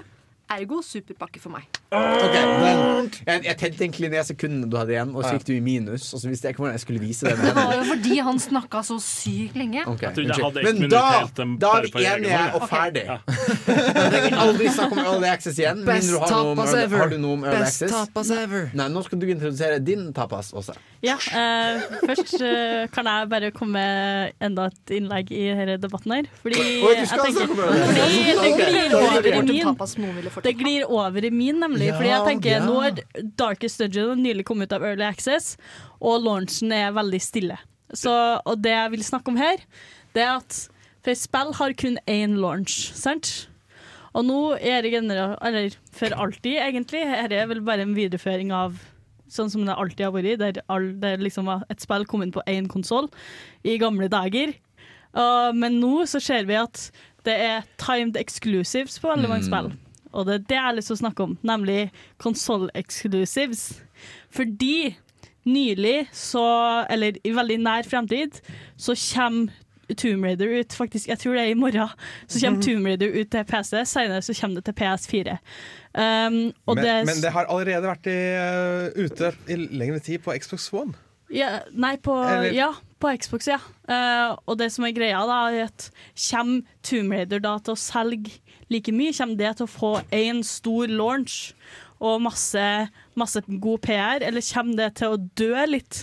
Fordi launchen har allerede vært, bare med at de fleste ikke får lov til å spille. Er ikke det litt det samme som skjer med, skjedde med GTA? Er ikke GTA et sånt spill som kommer på en måte på konsoll, og så tar det ganske lang tid? Ah. Ja, men så Det kommer kom til? PC, men det er liksom noe annet. For det blir Ja, for det er mer det porting. tekniske Det er en teknisk porting. Ja. Men her er det jo snakk om at det er vel Microsoft da som har betalt penger til Ubisoft for at Rise of the Tomb Raider skal komme en måned eller noe sånt tidligere til Xbox One enn til Ah. PlayStation 4. Mm. Ja. Og da blir det Ja, for jeg føler det skjer da at det blir At release blir mindre en sånn champagnekork som spretter, og mer en sånn Ja. For det jeg frykter, er at Tomb Raider ikke selger like mye som det fortjener. Rett og slett fordi det har kommet ut én gang, Mm. og så kan de, de kan gi det ut på, PS, på PC og PS4, men det kommer aldri til å selge like mye, fordi det får ikke nok oppmerksomhet. Mm. Fordi det har blitt etablert i sinnet til veldig mange som et Xbox One-spill, som vi ikke får, til, får lov til å spille likevel, og da har på en måte den hypen dødd litt ut, da. Da er det jo tydelig at det funker, da. Tenker jeg. Altså- For, Å, ja, for, at- ja. Ja, men ok, da er spørsmålet Funker det for dem som har gitt det ut? Det spørs, jo hvor mye, penger Microsoft faktisk ga dem for det. Ja. Og så kan de da vise at jo, men se her da Her er det så mange som kjøper seg på Xbox, og her er det faktisk så mange som kjøper seg en Xbox for å kunne spille Tomb Raider. da. Ja, men Hvor mange er det som kjøper en Xbox One for, for å ha Tomb Raider når det kommer ut senere uansett? Jeg heter ikke Bill Gates, jeg kan ikke svare deg på det spørsmålet. Men, men jeg antar at Nei, men så Bill poen- Gates poen- er Poenget her er at hvis det viser at det funker, at det faktisk øker salget for den konsollen, så kan de jo ta seg jævlig godt betalt for det, noe som fører til at det blir enda flere sånne. Jeg syns det virker som en sånn half-ass. Nå begynner vi å gå tom for ideer for hvordan vi skal få til vår konsoll, for nå er alt så likt uansett greie. Mm. yeah. Men jeg kjenner på meg selv at hvis Selda hadde vært en cross-plattform-greie Selda er det jeg lever og ånder for. Jeg kjøper lett en ny Nintendo-konsoll for et nytt Selda-spill. Punktum. Uh, hadde det kommet ut da på en Xbox en måned tidligere, så hadde jeg venta, kjenner jeg. Jeg ville hatt det på den konsollen som jeg har valgt og som jeg ønsker, og jeg kjenner at det det, kan være bare meg, da, men jeg blir litt sånn irritert. Jeg blir litt sånn derre drit i det, liksom. Eh, slutt å være teite. Men, men jeg vet ikke om jeg er unik på akkurat den følelsen der. Men Tomb Raider er et sånt spill som er hovedsakelig singleplayer. Ikke det? Du, altså, du, du, du blir ikke matcha opp mot andre folk her, sånn som gjør at å ha kunnet spilt det en måned tidligere enn andre og blitt flinkere i spillet, gir deg en fordel på noen måte. Hvorfor ikke se story? Bortsett fra masse spoilers, da. Ja, men se for deg hvis du kunne ha betalt sånn 100 kroner for å ha fått spilt Dota en patch før alle andre. Det har vært kjempemange som har gjort det. Du mener PTR? Ja, ja jo, jo, jo, ja, litt sånn. Ja, jo. Hvor mange er det som benytter seg av det? Hva, hva er PTR? Er det sånn Eh, public test servers. Ja, ja ok, at man spiller på en måte en Man spiller de endringene som kommer til å komme. Mm, og det kan du gjøre med World of Warcraft også. Du kan Ja. laste en egen klient. Du trenger ikke ha en aktiv subscription engang. Men, men du betaler bare- jo du betaler ikke for det. Nei, men selv når du ikke betaler for det. Hvor mange er det som har Her kan du spille World of Warcraft gratis hvis du spiller på Sett og vis. Det kan det hende jeg tar feil. For våre millioner lyttere må gjerne rette meg hvis jeg tar feil. Jeg, jeg er ganske sikker på at det er sånn. Mm. Det er litt skummelt. Um, Chris? Nå skal jeg leke økonomiteoretisere igjen, selv om jeg ikke kan den økonomiske teorien jeg refererer til hele tida. Men jeg tenker at det trenger ikke nødvendigvis være negativt at eh, et spill blir gitt ut eksklusivt til en konsoll på forhånd. Uh, for at, eh, det kan også være veldig godt mulig at det genererer hype. Kan spille gjøre det bra? Eh, det, altså, det kan ofte bli ansett som at det er dem som skaffer seg konsolleksklusiven, er early adopters, da, eh, som så genererer hypen, som så fører til at du får hovedmassen av salg osv. Eller hvis det flopper, så har du ikke de som Ja, er generelt ville kjøpt det til PlayStation Mm. uansett. De kan la kanskje være å kjøpe det, så du har begge veier. Så jeg ser jo argumentet med at mest sannsynlig så ja, blir salget dårligere. Men jeg vil ikke si at bare pga. at eh, det er, blir sluppet ut som konsolleksklusiv først, at det nødvendigvis betyr at det kommer til å selge dårlig. Har det, du hadde ikke noe mer eh, Nei. å si? Er det, jeg føler ikke vi fikk en sånn hard konklusjon der. Men, men det høres litt Ja, det, er, det er litt, virker litt sånn desperat, syns jeg egentlig. Det er litt sånn når du ikke egentlig har noe eksklusivt, å lage sånn Jeg er spent pseudo-eksklusivt. på å se resultatet før jeg sier om Ja, det er bra ja, det må eller jeg ikke. vente og se. Mm, for å skyte inn kommentar. Eh, folk tar jo også og betaler for å reklamere for spill nå. Ja, Til og- PS4 og Xbox. Og for dere der hjemme som lurer, så ventet altså Jens Erik med å kjøpe Rise of the Tomb Raiders. Det var Tomb bare en Raider. Tomb Raider. Ja. Som Jens Erik. Tomb Raiders, det er ganske kult. Uh, nå skal du få Du har funnet en låt, eh, Torben, fra Xenobade Chronicles X. Ja, jeg har ikke fått spilt eh, spillet forrige helga fordi jeg var så opptatt med ting. Så jeg har i stedet hørt på musikken, fordi den ene låta har vekslet den andre i å spinne rundt i hodet mitt uh, i- til alle døgnets sider. Så nå har jeg lyst til å dele de låtene med dere. Skal jeg annonsere den også, kanskje? Ja, da Ja, ja. jeg tenkte jeg. Her skal du Ops, det er glemte jeg teknikerting. Ja. Her skal du få 'Melankolia' fra Cinnamon Chronicles X, komponert av Hiroyuki Savano.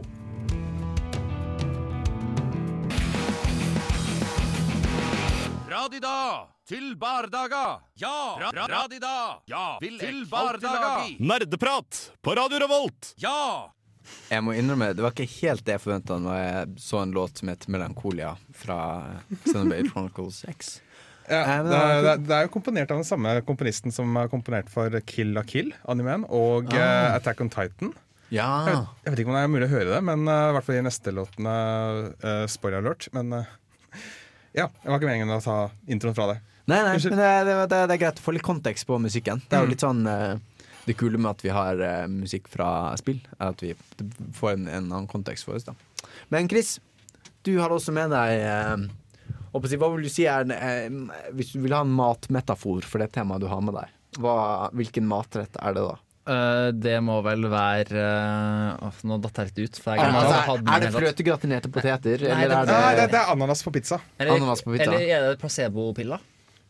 Du tar med placebopiller til din tapas? Nei, nei, nei. Jeg og han og han og han og han og han tar med oss potetsalat. Alle med potetsalat? Alle med potetsalat til tapas. Så, så, du, så det er den Fordi alle har snakka om det samme? Er det det? Jeg, sier at å, Jeg prøvde å fornærme Hva, Chris, hva er men jeg føler at metaforen? jeg datt litt Ok. Kan du bare si hva som er spørsmålet? Sånn går det når jeg prøver å være morsom. Eh, hva, hva er det du eh, har lyst til å snakke om? jeg sitter og funderer litt på at altså, Jeg tenker at det er dømt til å skje. At på et eller annet tidspunkt så eh, Altså hvis VR tar av så mye som uh, selskapet skal ha det til at det skal gjøre, at Mhm. noen kommer til å finne på et eller annet sprøtt sånn uh, samfunnseksperiment Type nå skal vi låse inn fem stykker i hvert sitt virtuelle rom, og så skal de eh, leve der et helt år. Eller en kis bestemmer seg fuck it, hvorfor skal jeg ikke leve i tre uker i et glassbur, eh, og så er virkeligheten min eh, inni en Oculus Rift, etc. Det er jo, det er jo altså, Når man ser hvor gripende på en måte spill med dårlig grafikk og på en liten skjerm kan være, så er det jo litt fascinerende og kanskje litt skummelt å tenke på hvor, hvor gripende kan god virtual reality faktisk bli. Eller som Jens Erik skriver, eh, VR-porno finnes jo alt. Eh, sånn apropos. Hvis det finnes noe, så finnes det porno av det. Ergo. Ja. Men enn å være fanga i en pornofilm i tre uker i strekk, det syns Altså, jeg det er Altså Sword Art Online, pornoversjonen. Ja, men altså, jeg kjenner at jeg blir svett på ryggen bare av å tenke på å være fanga i en pornofilm i to timer. liksom Det her Eller ti minutter, eller ett og et halvt minutt for den del. Alt- det er altfor mye. Være i en porno uten at du ønsker å være der generelt, Nei, ja, ja, det. Men tidenes partytriks må bli det der med å lime VR-briller på fjeset til folk som er fulle. Mens de sover. Oh my Jeg god! jeg satte meg et eller annet sånt skrekkspill på det. Fuck! Glem Jeg tror den vi- der jeg- jeg sprittusjen, liksom. Det her er mental scars for life. Ja, ja, ja. Det, det, liksom, det kan virkelig ødelegge noen. For det er det Wow. verste. Liksom, at det er ikke når du står opp dagen nedpå, det er sånn når du står opp midt på natta og du er på vei til å ha, gå nedover i fylla, eh, og du skal på do, og så bare wow, shit. Hvor er jeg våknet nå? Men du vil liksom akkurat når, Fordi jeg våknet en gang med tannpasta i hele fjeset. Eh, I en tilsvarende episode. Og det er, liksom, det er noen sekunder etter du har våknet hvor du bare skjønner absolutt ingenting. Og det er liksom Ansiktet mitt svir. For det er liksom Det er ganske basisk, sant? for det Ja. er såpe i det. Så hele ansiktet mitt svir, og det er klissete. Og det er liksom Det er noe av de mest forvirrende sekundene jeg har hatt i hele mitt liv. Det er å våkne av at ansiktet mitt svir, og det er klissete. Jeg må seriøst vurdere mitt kofferthode. Men, men OK. Ja. Det verste med den historien er at du kaller det tannpasta. Tannpasta, det er faktisk altså, Det er jo et. Tannkrem? Det er, det er jo en pasta, det er jo ikke en krem! Det er jo ikke en liksom Det er en pasta. pasta. En paste. En paste. En paste. en pasta. En paste oversatt til norsk er pasta, tror jeg. Tror jeg. Lingvistikkprat. Tror jeg. Jeg, jeg er usikker. Vi er- Jeg er dette på mange måter. Men, men OK. Um, Dere skulle vurdert liksom hva det ville innebære å ta med meg, som aldri klarer å holde seg til temaet. Se for deg altså for Det er jo en liten nisje av folk som tar dop og så spiller spill eller ser filmer nå. Trodde ikke det var lov å prate om. Nei, Vi ikke kan godt prate om det. Vi kan, ja, ok. se, se for deg dem som tar eh, At du tar noen illegale substanser og så har på deg VR-briller. Det finnes allerede på en måte nettsider, ikke at jeg vet det her, Uh, som eksperimenterer med hva som er best å bruke sammen med VR-briller. Eh, så Av, av stoffer. Ja, av stoffer. Så selvfølgelig er det Det er litt som med porno. Uh, finnes det noe på internett, så finnes det et optimalt stoff å ta til å konsumere dette innholdet. på en måte. Eh, Ja. Ikke at jeg visste det. Ja, men det, det Altså, jeg ser for meg at det er en eller annen kunstner som kommer til å gjøre noe her. Det er, veldig At det er en viktig å, eller annen pre- det er veldig viktig å presisere at vi anbefaler ikke å høre på noen som helst. Nei, nei, nei, men det her er jo ikke noe nytt. Jeg mener, er eh. Altså, Siden vi snakket om kunstnere, det var, alle hadde sin favorittalkoholdrikke å drikke seg dritings på eh, mens man lagde kunst, eksempel. Og Eller stoff man tar mens man hører på musikk, eller stoff man Altså, ja. Stoff, det har alltid vært en sånn kunstnerisk addition til kunst, da. Ja, ja, og uh, kunst og dop har hengt litt sammen sånn historisk. Men det jeg ser for meg, er at en eller annen kunstner kommer til å eh, være inne i en sånn glassboks på et galleri med VR-briller på, og så kommer han til å få en næring intravenøst eller noe sånt, og så skal han liksom tilbringe tre uker med VR-briller på eller noe sånt. Hvis det ikke er Kristoffer Schou som gjør det først. Men eh, re- medregner du ikke Kristoffer Schou som en kunstner? Jo, men ikke Jo, på, men, på en annen Han er en måte. kunstner for vår tid, Anders. Ah, ja, Ja. og, ja, nå- Hvis du har ja. konsumert En det rette kunstner mens av du ser på det, så. Nei, nei, Nei, men, nei, jeg ser for meg at hvis, hvis Kristoffer Schou gjør det, så må du liksom gjøre det litt mer vulgært. Da skal han se på VR-porno i tre uker, eksempel. Det kunne Kristoffer Schou gjort. Hvis, han hører, hvis du hører på noe, Kristoffer, så håper jeg du tar utfordringa. Men hva med deg, Kristoffer? Altså Chris. Eh, hey, angående altså, det, Jeg skulle egentlig bare ta en random side note og bare nevne det med An Anders, går det bra? Anders står i hjørnet og Skammer seg. skammer Skammer og seg. ler. Skammer seg. Eh, Noen ja, for... spøker er faktisk for dårlig for radio, så vi bare går videre. Ok. eh, anyway, jeg, tenkte, jeg syns det er veldig kult med VR generelt at du kan uh, ha multipurpose rooms. Altså, vi snakka jo tidligere om uh, berg-og-dal-bana, der alt du ser på berg-og-dal-banen er i VR-briller. Og- Mens du sitter på en fysisk berg-og-dal-bane. Ja. Ja. Ja, men, altså, tenker du kan, men akkurat som jeg, altså, det, det er fortsatt en genialitet vi gjør det med rom også. Med at plutselig, så du, uten å måtte gjøre noe fysisk, så har kan, har muligheten til å rebrande et helt rom til forskjellige formål. Eh, bare Ja. ved å loade et nytt program, ikke sant? Eh, som bare kjører et annet område. Så det kan være spennende å se. Jeg har jo det der, Når jeg begynte å spille Nintendo 64 første gang, så var jeg veldig sånn at fulgte kontrollen når jeg styrte. Ja. Sånn. Jeg tror det kan bli insane for nye spillere å bruke VR. Ja, eh, som en helt sånn at du begynner faktisk å gå for å komme til ting eller noe sånt. Det, Det minner meg veldig det han sier nå, minner meg veldig om når jeg var liten og fikk eh, Super Mario 3. For da satt mamma og spilte eh, Super Mario, og hver gang hun trykka A for å hoppe, så gikk hendene hennes opp sånn whoop, sant? langt oppi været. Hver eneste gang. Og så nå eh, så har jeg kjøpt en Nintendo Wii U med nye Super Mario Brothers.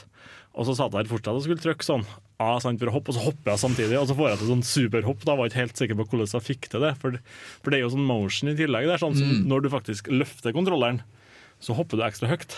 Så det var bare moren din som lå foran uh, og når du endelig er ferdig med å mobbe Forutsi. folk Ja, når du endelig er ferdig med å mobbe folk for å gjøre den bevegelsen her, så gjør det Nintendo det til en greie at jo, det skal du gjøre. De bare Ja. Men sånn seleopplegg og sånn er kult med VR, syns jeg. Eller den planen man har om å noen har hatt en idé om type hamsterball som du har på en base i stua. Det begynner å bli stort og dyrt, det her. Men, men, og andre har på en måte et sele med et sånt uh, uh, Se for deg sånn handlebånd eller sånn varebånd på butikkene som går i alle retninger. Ja, ja, ja, sånn at du Som kan bevege deg. Ja, så du, du spennes fast rundt livet på en måte. Ja. Og så kan du gå i alle retninger. Og Samtidig, men du blir på en måte stasjonær selv om du føler det som om du Ja, går. sant? Og jeg tenker at det er helt sykt. Du kan faktisk hoppe, sant? for da går den ramma på brystet ditt Ja. drar opp, så du faktisk hopper i spillet, og du kan begynne å løpe i alle retninger. Da begynner det å bli sabla kult. Altså. Men jeg tror jeg må tjene litt mer penger først. Ja, ja, sant. Vi må, eh, vi må bli kjemperike, sant? Vi får bli med på VR, eh, VR-stormen. Har du noe kjapt å si om den låten vi skal høre på nå, Torben? Ja, den låten vi skal høre nå, heter 'Uncontrollable'. Og er kanskje den som minner meg mest om eh, sånn typisk anime-musikk. sånn type Attack on Titan. Og dette spilles da i spillet når du kjemper mot eh, spesielt tøffe fiender, som kalles for tyrants.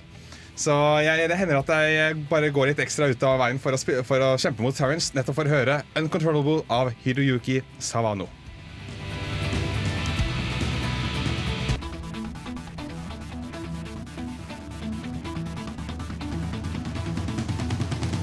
Du hører på Radio Revolt, studentradioen i Trondheim. Det gjør du. Og eh, Anders, du hadde med et tema til tapasen. Et Ja, tema, det er et ganske kjapt tema, faktisk. Det, det går bare ut på eh, Har dere sittet og kikka på at dere skal kjøpe et spill på Steam? Altså dere har vært sånn Nå må jeg bare trykke eh, insta eller kjøp det spillet, og så check out. Og så er spillet mitt, og jeg skal spille hele helga. Og så ser du litt sånn negative Steam reviews, og så tenker du nei, jeg skal ikke kjøpe lell. Nå kan jeg bruke pengene på øl i stedet. Har dere hatt den eh, opplevelsen noen gang? Jeg synes Steam Reviews generelt er litt unyttig, egentlig. Med tanke på at liksom eh, fleste prøver å være skikkelig vittig, som for så vidt er veldig moro. Og det er moro å lese om det, men det forteller ikke meg så mye. Eh, Moro-moro, eller sånn haha, dere var artig sånn- til tross for at det var et kommentarfelt-moro? Ja, det og liksom haha, here's a reference from the game, som alle som har spilt spillet, liker. Da, ikke sant? Altså- Then I took an arrow to the Ja, ikke sant? Eller sånn der eh, In this game you can attach a sheep to an airplane 11 out of 10. Det er liksom det er alltid sånn der eh, tøyse-reviews, og så 11 av 10 eller noe sånt. Would play again, eller sånn. Det er så mye tull i Steam Reviews, og det, det, er faktisk, det er faktisk litt et problem. At det er veldig få faktiske reviews som sier noe om spillet. 90% av alle spill jeg kjøper på Steam, uh, er spill noen jeg kjenner har sagt noe positivt om. Ja. Og som jeg ser er på tilbud og er sånn Shit, jeg må kjøpe det nå. For nå er det jo billigere enn vanlig, og jeg kommer sikkert til å spille snart. Så du bruker sånn Meatspace reviews, for å si det på den måten? Ja, altså, det her er sikkert et spill oh, det har noen sagt noe kult om. Det vil jeg ha. Nå er det billig. Jeg kjøper det nå. Spiller det aldri. Spiller. Ja, sånn er det. Nei, altså, jeg, jeg leser en del Steam Reviews, men jeg vet ikke om jeg endrer mening av dem. Det er, litt- det er litt vanskelig å si. Om jeg bare går for å Jeg tror uh, den der Å, hva heter det? Original War? Det er sånn at jeg spiller, det kjøpte jeg på Steam Reviews. Det er jeg ganske sikker på at jeg eh, rullet ned, og så var det noen som sa det er liksom, det er dritbra. Det dritbra. Kjøp det, det er det beste spillet. Kjøpte det, og så spilte jeg det bitte litt, og så var det veldig vanskelig. Men det er veldig kult spill, da. Det er kul idé, men det er veldig Jeg, jeg klarte ikke å spille. Det var vanskelig. Du har jo der, eh, hva heter det? Steam, ti, eh, Hver dag så gir de deg en sånn anbefaling med ti spill som tenker at «Å, det her kan være interessant for Ja, deg. dere kø, dere køa de, Ja, ikke sant? Ja, Ja. eh, og der føler jeg et sterkt behov for å lese anmeldelsene. For da er det veldig sånn OK, nå føler jeg bare at Steam har eh, eh, sett på backloggen min som jeg aldri har spilt, og anbefaler ting ut fra det. Da. Så blir det jo sånn Tinnes shittieste og mest unheard eh, Du har liksom aldri hørt om spillene her før. da Og da tenker jeg det er litt nyttig å faktisk se litt, da, og se om den har Men da er det ikke så mye innhold i anmeldelsene, men mer om eh, positiv har generelt vært positiv, generelt vært negativ. Hvor mange anmeldelser det er, om noen nevner mye tekniske problemer med kontroller. da. Mm, det, det er sant. Det Mm. er sant.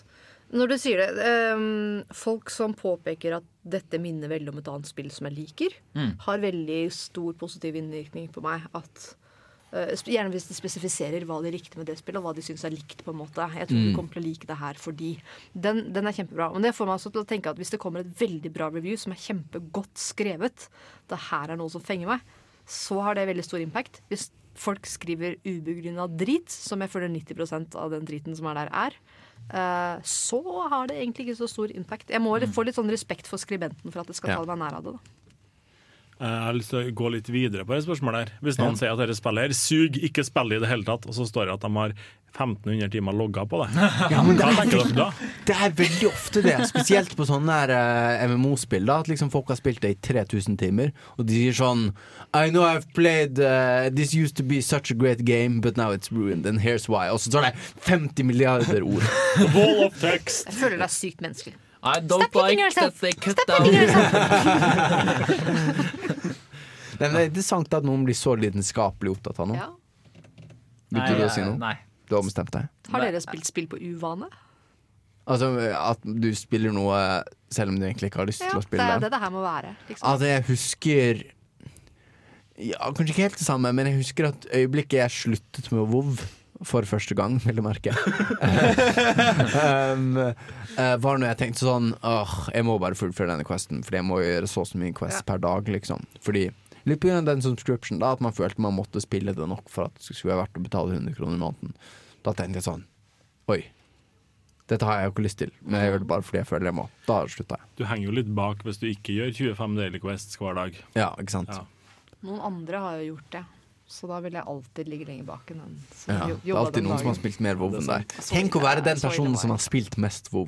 Tenk å være den personen. I vennegjengen. Wow. Nei, jeg tenkte mest WoW Når i verden. når- når Det er jo én person Én person som har spilt mest WoW av alle. Når jeg spilte WoW eh, for 100 år siden, Ja. da, da, jeg, da brukte jeg å spille Battlegrounds sammen med den personen som hadde flest kills i hele Europa på den tida. Wow. Og det var sånn På andre laget, da? Altså. Nei, altså spilt med på laget. Å, sånn, ja. Og det var sånn type en million kills til sammen. Og det er sykt mye. Det er mange. Det er mange, det. Nesten en fjerdedel av no femtedel av Norge, det. Det var faktisk akkurat det jeg tenkte. Det Med litt Det er ganske, jeg vet ikke hvor mange orker det er i Norge. Jeg tror vi anser en Nei, diskusjonen jeg, tror, jeg, tror, jeg, tror, jeg vet du hva, da jeg sa det, så merket jeg at jeg er ganske sliten. Og det er bare, oi, jeg er Vi, vi hører deg, det går bra. Uh, jeg tror vi går videre, og så kan jeg sånn ta en eh, eh, Virkelig, liksom vi hadde jo så godt opp. moment. Det var ironi, og det skjønte jeg. Uh, Det er sarkasme. Nei å, mm, Nei, nei, nei, ok, unnskyld, ja. Er det kanskje satire? Det var det ikke. Roguelike? Men det var det Vent litt! Når du sa 'var det satire', var det ironi? Oh my god. Nei, Ok, Andreas, Torben. det var ikke Kan noen ironi. presentere den låten? Kan vi ta Torben. en språkvask her i studio nå? Torben, kan du- Ironi er noe som skjer, sarkasme er det du sier. Kan hun ikke si noe ironisk? Nei. Å, så flink du er med språk, da. Det er sarkasme. Det er. Jeg mener man kan si ironi. Det er meg. Ehm, Sannhet med modifikasjoner. I hvert fall. Uh, kan ikke du introdusere neste låt, eh, Torben? Jo, dette er egentlig Jeg lurer på dette er min favorittlåt eh, så langt, som jeg har hørt i Cinematic Chronicles X. Dette spilles når du aktiverer overdrive ability, en slags kombo. Dette er eh, av Hiroyuki Sawano.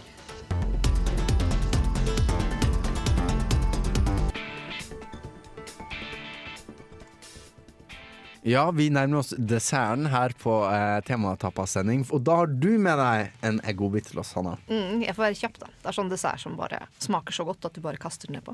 Ja. Mm. Sånn. Uh, jeg, jeg skrev at uh, hvordan spill kan funke som en sosial snarvei, var vel det jeg sa til deg. Ja, uh, det skjønte jeg ikke helt hva du mente med. Nei, eh, jeg leter alltid etter andre å spille spill med når jeg får sånne diller. Da blir jeg helt Mm. sånn der, å du må være med og spille det. Og så samler jeg gjerne en liten gjeng, og så spiller jeg det sammen med dem, og så er det intensivt en liten stund. Eh, og greia her er at eh, det spiller ikke så stor rolle hvem jeg har med fra ulike typer grupperinger og sånn. Så når jeg begynte å spille Diablo 3 igjen nå, så fikk jeg med meg eh, en kompis som jeg har fra videregående Mm. som jeg kjenner veldig veldig godt. Og så fikk jeg med meg en kollega uh, som også hadde lyst til å være med og spille. Og så var det litt sånn hei, morgen, morgen, og så spilte vi sammen. Hadde det veldig tøft sammen. Uh, spilte kanskje en to timer eller noe sånt. Og så får de litt dille, og så kommer jeg hjem fra jobb dagen etterpå. Uh, og da finner jeg dem allerede på Discord. og de sitter og spiller sammen. Oh, ja, de, så de Eh, kjente ikke hverandre fra før? Nei, de hadde aldri møtt Ah, hverandre før. Og jeg synes det var stilig, og det var jo ikke sånn bare at de bare spilte sammen, men de hadde faktisk gått inn på Discord, som er sånn snakke à la Teamspeak, eh, Skype-greie. Um, og de satt og snakka liksom, og hadde det kjempeålreit. I hvilke andre sosiale settinger hadde det skjedd? Det skjer jo ikke at du på en måte bare møter Med, med nordmenn, ikke minst. Med nordmenn, ikke minst. Er det sånn at nordmenn møtes, så er det sånn her, ja, morgen, du, jeg er egentlig her med han. eh, For det er han jeg kjenner. Hei, hyggelig å kjenne, treffe deg. Kommer aldri til å snakkes igjen. Ja, det blir litt sånn half-assed, for du vet at vi ikke kommer til å Men så, jeg syns det er veldig veldig kult da, med spill. Jeg tror den eneste plassen der man har det tilsvarende, hvis det er hvis man møter eh, nordmenn i utlandet. Ja. Det var den eneste plassen. Altså. Å ja, shit! Og Enn at det er flere som snakker trøndersk her i Guatemala. Det er, det er litt, litt sånn, det er litt det samme greia. Men det skjer jo mye oftere at man spiller spill sammen, enn at man møter eh, naboen eller andre nordmenn i Guatemala. Mhm. Altså, nå er et spill som har spilt online, og da fikk jeg venner med, av meg med på det. Og da, da kjenner jeg alle dem, alle dem jeg har spilt med som jeg var i, i, i gruppe, da, eller en flit, da, med. Og jeg, jeg hadde akkurat samme opplevelse, nesten, der jeg liksom Jeg logga meg på sånn tre dager senere, og da var alle dem bestevenner. Og jeg, de har liksom fått inside jokes og alt mulig som jeg ikke hang med på i det hele tatt. Det går sånn- knallfort. Det er kjempegøy. ja, og de hadde nesten ingenting til felles sånn i utgangspunktet, bortsett fra det ene spillet. Og plutselig så var de liksom bedre venner enn jeg var med dem. Men tror, tror du eh, Men tror, tror dere det har litt å si at dette er kooperative spill? De eksemplene dere kom med, altså, eh, det er Star Trek Online. Ja. Ja, og Diablo. Da er det sånn man spiller sammen kooperativt mot noen andre. Gjerne. Er Ja, jeg, jeg tror ikke jeg kommer på et, en fest med noen eller hva, hva som helst og spiller på en måte konsoll sammen med noen ved siden av dem i sofaen og avtaler med vedkommende at jeg skal møtes neste dag for å spille konsoll sammen med dem også. Det tror jeg kanskje ikke. nei, men i kooperativt som at man er ikke mot hverandre, men ja, men sånn, med hverandre. Ja. Altså, tror du det hadde fått Hvis dere hadde spilt eh, matcher mot hverandre av et eller annet Jeg vet ikke hva slags spill. Kanskje. Jeg vet ikke. For jeg tror du kan ha litt å si at man på en måte må snakke sammen og koordinere sammen. Og liksom jeg tar han fienden, du tar han fienden. Ja, Og kanskje ikke bare stå og le av den andre. Ja. Nei, Ja. jeg ser den. Vil du snakke om Eh, ja, eh, jeg bare sånn kjapt. Jeg hadde har en opplevelse der jeg eh, Det var en fyr som jeg spilte litt sammen med. Jeg bare møtte opp i en sånn, uh, sånn pickup group, kan du kalle det. At det var to, så altså han var en, en, ja, en av flere som du tilfeldigvis ble plassert sammen med. Så begynte jeg å prate, for han hadde et norsk navn. Så sånn, OK, Mhm. du er sikkert nordmann, du òg? Ja, ja, ja, he-he-he, sant? Og så balla litt på seg, og så sa jeg ja, hvor i Norge da? Og så sånn, ah, Trondheim. OK, hvor da? Eh, Lade. så, wow, OK. Um, det, og da tok jo eh, faktisk og ett og et halvt år, eller noe sånt, og så plutselig bare møtte jeg på han sånn helt uten videre. Det bare sånn tilfeldigvis viste seg at jeg visste hvem det var hele tida. Det er kult. Kjempecreepy. Det er kult. Å, wow. Altså, de sier altså, jeg bor i Lade. Ja, hvilken adresse? Din adresse. Rett utenfor vinduet. Er det noe mer som har noe å si? Da må dere si det fort, for nå er det fem, fire, tre, to. En Dette er jo kjempebra radio. Okay. Ok, ikke sant? Der begynte låten. Eh, sendingen er ferdig. Eh, tusen takk for at dere ble med oss her på eh, Nederprat på Radio Revolt. Eh, vi snakkes neste gang. Da skal vi ha et eh, annet tema. Eh, men det rekker ikke si hva er, så det blir en overraskelse. Ha det bra. Ha det! Ha det. Lots of flowers standing in this lane. They all complain. But the porky lost his steady pace.